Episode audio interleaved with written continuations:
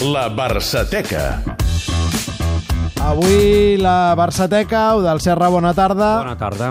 va de doblet.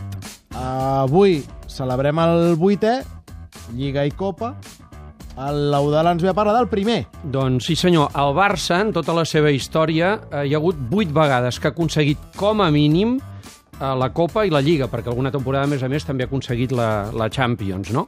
Eh, com a mínim, Copa i Lliga, vuit vegades. La primera, com tu deies, atenció perquè ja fa 66 anys. Va ser la temporada 51-52. Un equip que també va fer història en el seu moment i que a partir de llavors va ser conegut com el mític equip del Barça de les cinc copes. Entrenats per l'eslovac Ferdinand Dausic i amb Ladislau Kubala com a gran figura, aquell equip tenia també jugadors de la talla de Ramallets, Martín, Seguer, Gonzalvo III, Sagarra, Biosca, Manchón, Besora, César o Vila. Els entrenava, com dèiem, Dausic, que a més a més va arribar de la mà de Kubala.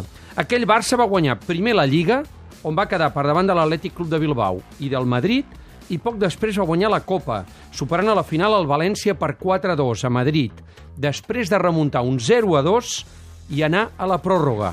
El nodo de l'època, el nodo era aquells reportatges de l'època del Franco que es passaven als cinemes abans de les pel·lícules, ho explicava així. Y la prórroga. Los agotados jugadores azulgranas en el césped, mientras Quincofes da instrucciones a Pasieguito, a Sensi y Puchales. Un izquierdazo de Kubala que significa el principio del triunfo. Afirmado por César de un impresionante remate de cabeza. 4 a 2 definitivo. Gonzalo y César llevan la copa a sus compañeros quienes alzan en hombros a su capitán para el paseo triunfal. Aquella mateixa temporada el Barça es va adjudicar també la Copa Eva Duarte, que no la va haver de jugar, perquè era el partit que enfrontava el campió de Lliga i de la Copa, i per tant ja el tenia el Barça adjudicat, i un trofeu que es deia Martini Rossi, que es donava a l'equip que aconseguia una diferència més gran entre gols marcats i rebuts a la Lliga. I també va guanyar la Copa Llatina, aconseguida a París, i que era o venia a ser una mica l'embrió del que més tard va ser la Copa d'Europa. Llavors aquella Copa Llatina la jugaven els millors equips portuguesos, francesos, italians i espanyols. Tornant de París, on el Barça havia guanyat aquesta Copa Llatina davant la Juventus i el Niça, els blaugranes, atenció, van ser rebuts de forma triomfal. No direu mai, però, a on van arribar, l'estació de tren que van arribar primer. Llegan a la estación de Mataró los jugadores del Club de Fútbol Barcelona, que en el Parque de los Príncipes de París ganaron la Copa Latina. Se les tributa un clamoroso recibimiento por esta quinta victoria, que viene a sumarse a las anteriormente obtenidas por ganar los campeonatos de Copa y los trofeos María Eva Duarte de Perón y Martín y Rossi. Son paseados en hombros y desde Mataró se organiza la caravana que ha de hacer su entrada triunfal en Barcelona.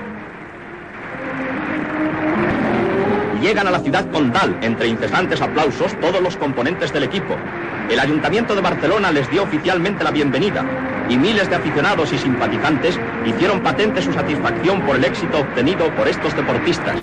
Bé, aquell Barça de les cinc copes va tornar a repetir doblet, Lliga i Copa l'any següent, l'any 53, i el 59 també, les dues primeres amb Dausic i el 59 amb Elenio Herrera.